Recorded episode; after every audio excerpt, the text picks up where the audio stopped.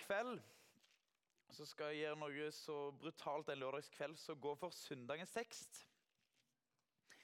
Um, jeg vet ikke hvordan jeg pleier å gjøre på søndagsmøtene, og sånn her, men uh, i, dag, i, kveld blir det iallfall søndagens tekst. Og så er det tilfeldigvis jeg som skal tale i morgen tidlig òg, så da vet jeg at det blir ikke søndagens tekst da. Så det blir ikke det samme. Uh, søndagens tekst står i Markus kapittel 1 fra vers 40. Og det handler om Jesus som møter en spedalsk mann. Eh, og Der står det sånn En mann som var spedalsk, kom til ham, falt på kne og ba. Dersom du vil, kan du gjøre meg rein. Jesus fikk inderlig medkjensle med han, rette ut hånda og rørte ved ham. Jeg vil, sa han, bli rein. Med det samme var sykdommen borte, og mannen ble rein. Jesus taler strengt til han og sender han straks bort. Se til at du ikke sier et ord til noen om dette, sa han. Men gå og vis deg for presten og ber fram et offer for rensinga di, som Moses har gitt påbud om. Det skal være et vitnemål for deg. Men mannen gikk av stad og ga seg til å fortelle om alt det som hadde hendt. Han gjorde det kjent vidt og bredt. Derfor kunne ikke Jesus vise seg i noen by lenger. Han holdt seg utenfor byene, på øde stader men folk kom til ham fra alle kanter. Jeg skal be før jeg fortsetter. Kjære Gud, jeg ber deg om at du må være med oss nå. Jeg ber deg om at du må gi oss noe fra ditt ord. Eh, noe vi kan styrke oss på, noe som kan gjøre at vi får et større håp, eh, en større trygghet i deg. At vi må lære oss i større grad å stole på deg og det du har gjort. Amen. Den teksten her, den starter sånn sett hvert nytt liv starter. En mann som var spedalsk, kom til Jesus, datt ned på kne og bar, ba. Dersom du vil, kan du gjøre meg rein. Når Jesus var på jorda, så sa han en gang at den som ikke blir født på ny, den kan ikke se Guds rike. Eh, Nikodemus var fariseeren som Jesus snakka med. da. Han forsto kanskje like lite som vi forsto når vi hører det med en gang. Og spør hvordan skal dette gå til Jesus. Dette går ikke an å bli født på ny. Skal jeg komme inn i mamma og ut igjen? eller hva skjer her? Um, så forklarer Jesus videre at du må bli født ikke som en vanlig fødsel, men du må bli født av vann og ånd.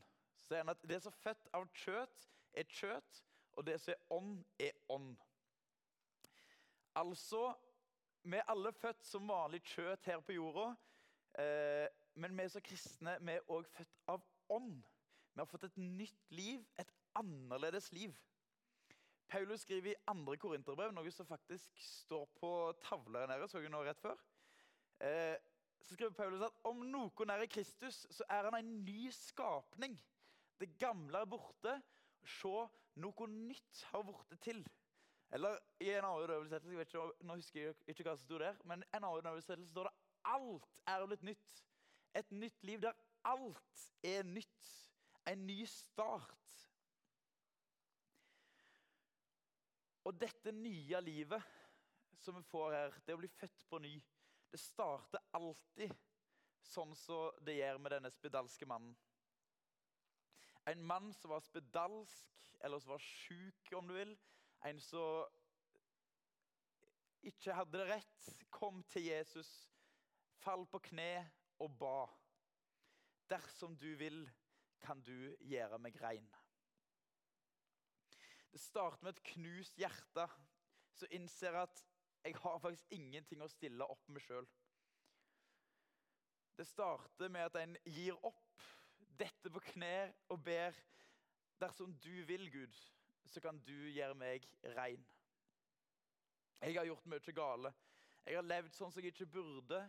Jeg har handla mot Gud i tanker, ord og gjerninger og kjenner lysten til det vonde hjertet mitt, sier vi i en eh, synserkjennelse.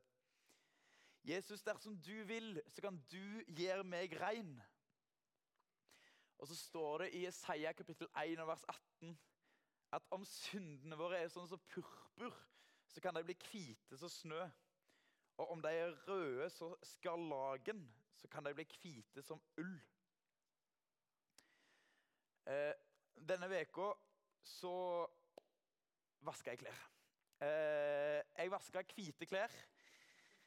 Eh, og på den ene hvite genseren så hadde jeg en svær sånn eh, pizzaflekk. Eh, jeg vet ikke om dere smaker sånn restaurant eh, men den renner det veldig av. Så det, det klarte jeg ikke å styre meg, og så kom det en stor flekk på den. Så skulle, tenkte det er enkelt å bare hive den i vaskemaskinen. Eh, ta på hvitt pulver og sånn, og så skal det gå greit. Men den kom ut igjen, og han var fortsatt raug. Og så er det sånn med Nå sleit jeg med å få vekk en enkel pizzaflekk, men så er det sånn med denne skarlagenfargen som det står her, at den kan du liksom bleike så mye du vil, og sånn, men den vil alltid være der litt unna. Det er egentlig umulig å få vekk. Akkurat som det er med syndene våre. egentlig. Det er på en måte umulig å få vekk. Samme hvor mye vi kjemper, samme hvor mye vi prøver, samme hvor mye vi vil vekk fra det. Du klarer det ikke sjøl. Så eh, så sier Jesus at syndene våre kan bli hvite som ull, sjøl om de var røde så skal lagen. Så står det i 1. Johannes brev at dersom vi bekjenner våre synder, så er han trofast og rettferdig, så han tilgir oss syndene og renser oss for all urettferdighet. Det er dette som er selve evangeliet. Gode nyheter. Overraskende gode nyheter er det egentlig det ordet betyr. Gode nyheter når du trodde at gode nyheter egentlig ikke fins. Når alt håp er ute, du ser ingen utvei, alt er mørkt. Det er da evangeliet kommer. Og Han spedalske som vi møter i teksten, han hadde det nok sånn. Spedalskhet var en smittsom infeksjonssykdom som gjorde at du fikk veldig stygge alvorlige sår over hele deg. Og så var loven i Israel sånn at hvis du hadde den sykdommen, eh, så skulle du gå med ødelagte klær, altså flere klær, og ustelt hår. Du skulle bo utenfor byen.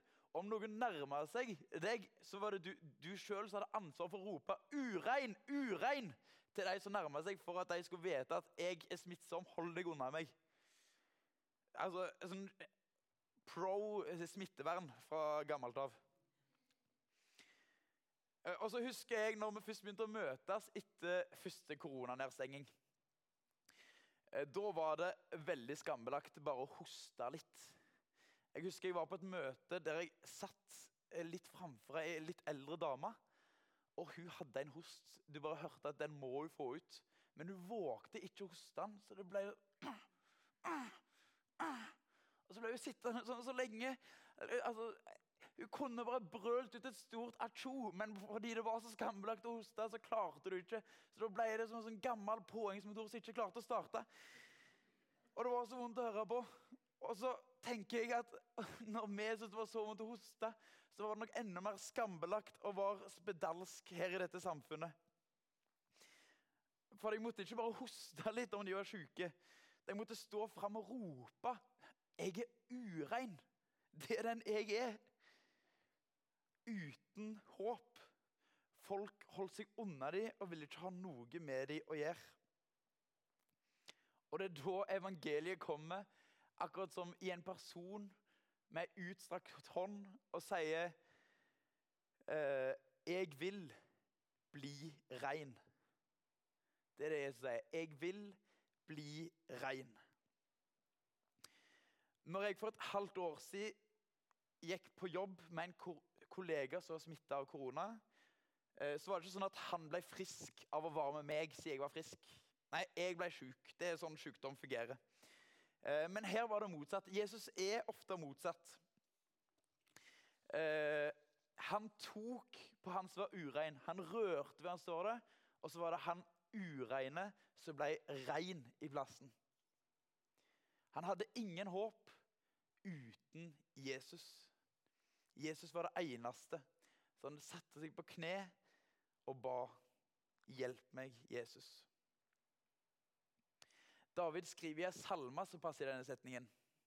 I Salme 40 der skriver han at 'Jeg venta og håpa på Herren', og han bøyde seg ned til meg og hørte mitt rop. Han drog meg opp over den tynende grav, opp av den djupe gjørma. Han sette mine føtter på fjell og gjorde mine steg faste. Se for deg at du ligger i ei gjørme. Samme hvor mye du karrer deg opp, så kommer du bare lenger ned. liksom. Og du står der, og det er gjørme rundt hele deg, og du har ikke håp. Og så er det noen som kommer utenfra og klarer å dra deg opp av gjørma og sette deg på et fjell, på steingrunn, der du står trygt. Altså, Tenk for en følelse. Og apropos det fjellet For Jesus spør en gang disiplene om hvem sier folk egentlig at jeg er.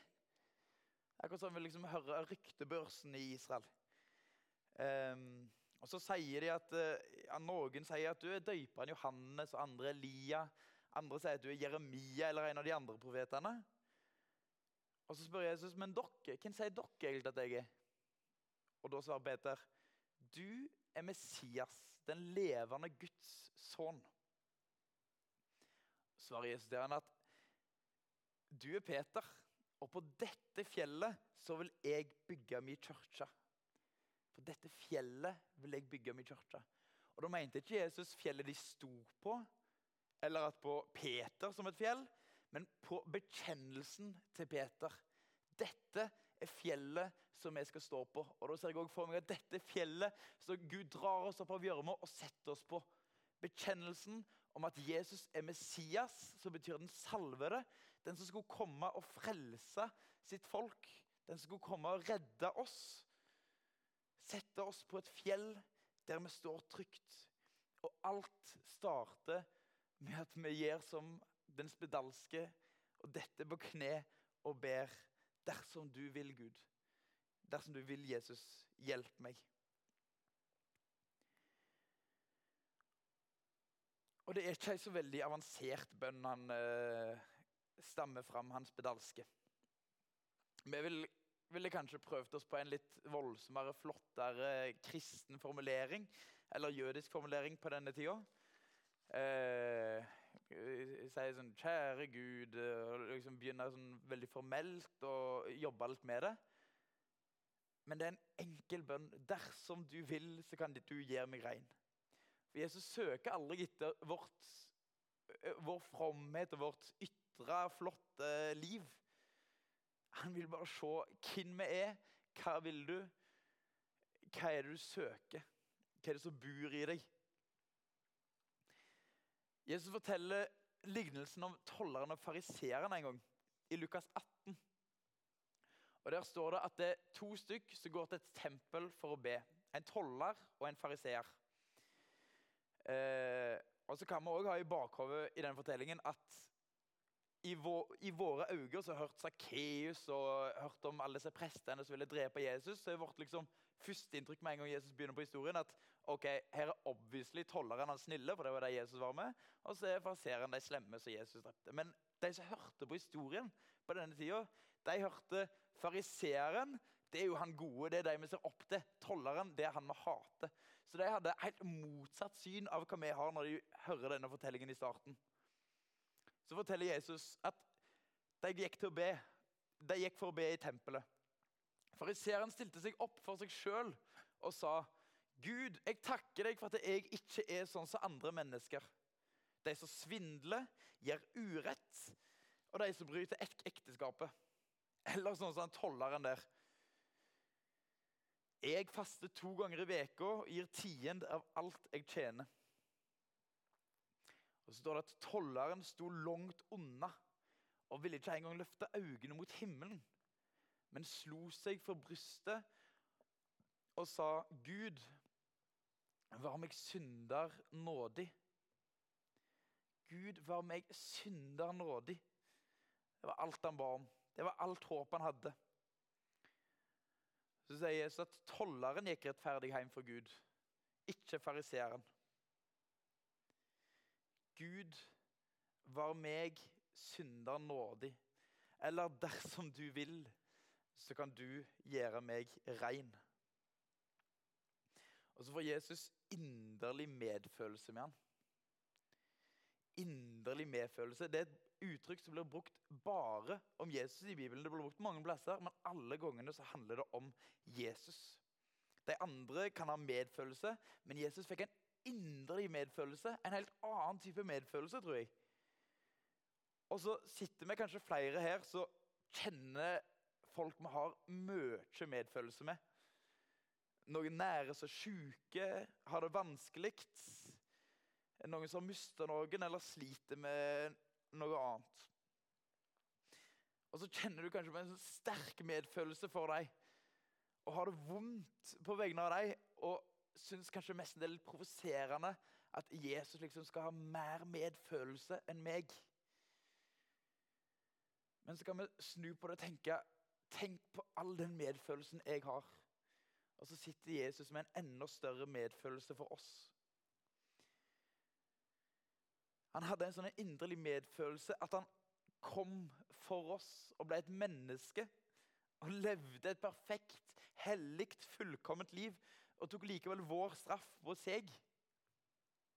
For så elska Gud verden at han ga sønnen sin den eneste, for at hver den som tror på han, ikke skal gå fortapt, men ha evig liv. I Galaterbrevet kapittel 4 så står det eh, Fire fra vers fire. Så står det om når Jesus kommer ned på jorda. og da står det at, Men da tida var fullkommen, sendte Gud sin egen sønn. Født av ei kvinne, født under lova. Han skulle kjøpe fri de som var under lova, så vi kunne få retten til å være Guds barn. Og siden det er barn, har Gud sendt sin sønns ande inn i hjertene våre, og anden roper 'Abba, far'. Derfor er du ikke lenger slave, men sønn. Og er du sønn, da er du òg arving, innsett av Gud.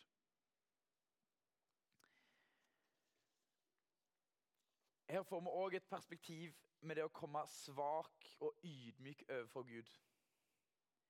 Vi er blitt barn ikke slaver. Vi er ikke noen som skal jobbe oss til fortjenesten eller et eller annet. Nei, vi er barn som roper 'Abba, far'. En unge jobber ikke mye med sine bønner, tror jeg. De skriker bare 'hjelp'. 'Pappa, jeg trenger hjelp'. Og det er den ånden vi har fått. Abba, far, pappa. En pappa med inderlig medfølelse. Og tilbake til historien vår så står det at med det samme altså Etter Jesus har sagt at 'bli rein', så står det med det samme var sykdommen borte, og mannen ble rein. Og Det er sånn Gud er, og det er sånn Gud fungerer. Det han sier, er sant. Det han sier, det skjer. Ordet hans har skaperkraft. Gud sa 'bli lys', og det ble lys. Og sånn er det i dag òg. Guds ord, altså ordet vi finner i Bibelen, det har skaperkraft. Det skaper noe i oss, og det preger oss. Hvis du vil bli preget av Gud, så må du holde deg nær Gud. Bruke tid med Han. Eh, stole på Han. I Hebreerbrevet kapittel 4 og vers 12 så står det at Guds ord er levende og virksomt. Det er skarpere enn noe tvega sverd, og det trenger gjennom eh, til det kløyver sjel og ånd, marg og bein, og dømmer de tanker og planer som bor i hjertet. Guds ord går gjennom deg og preger deg enten du vil det eller ikke. Og Det tenker jeg at også er noe å tenke på når vi møter de rundt oss, om vi er på jobb eller på studieplassen eller hvor vi er at det du deler av ord fra Bibelen, det du deler om Jesus, det er verdt noe. Det vil prege dem. Eh, det står i Jesaja at Guds ord vender aldri tomt tilbake. Gud vil alltid bruke det. Om du ikke ser det der og da, om det virker helt unyttig, så vil han bruke det til slutt. Så kan kanskje andre òg bli sånne som så finne ut at det livet jeg lever, det er ikke det livet jeg vil leve. Jeg vil ha et nytt liv Jeg må gi meg sjøl over. Jeg må si Jeg må dette på kne og si 'Dersom du vil, Gud, la meg bli rein'. Skal vi be til slutt.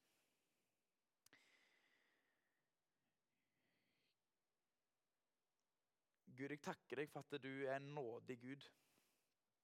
Jeg takker deg for at du ser oss, at du elsker oss, at du bryr deg om oss. Jeg takker deg for at du har inderlig medfølelse med oss. Jeg takker deg for at du kom til jorda og døde for oss. At du sto opp, så vi òg kan få komme til himmelen og være med deg. At vi kan ta del i et evig liv allerede nå. Ser du kvelden. Jeg ber deg om at du må være med. Amen.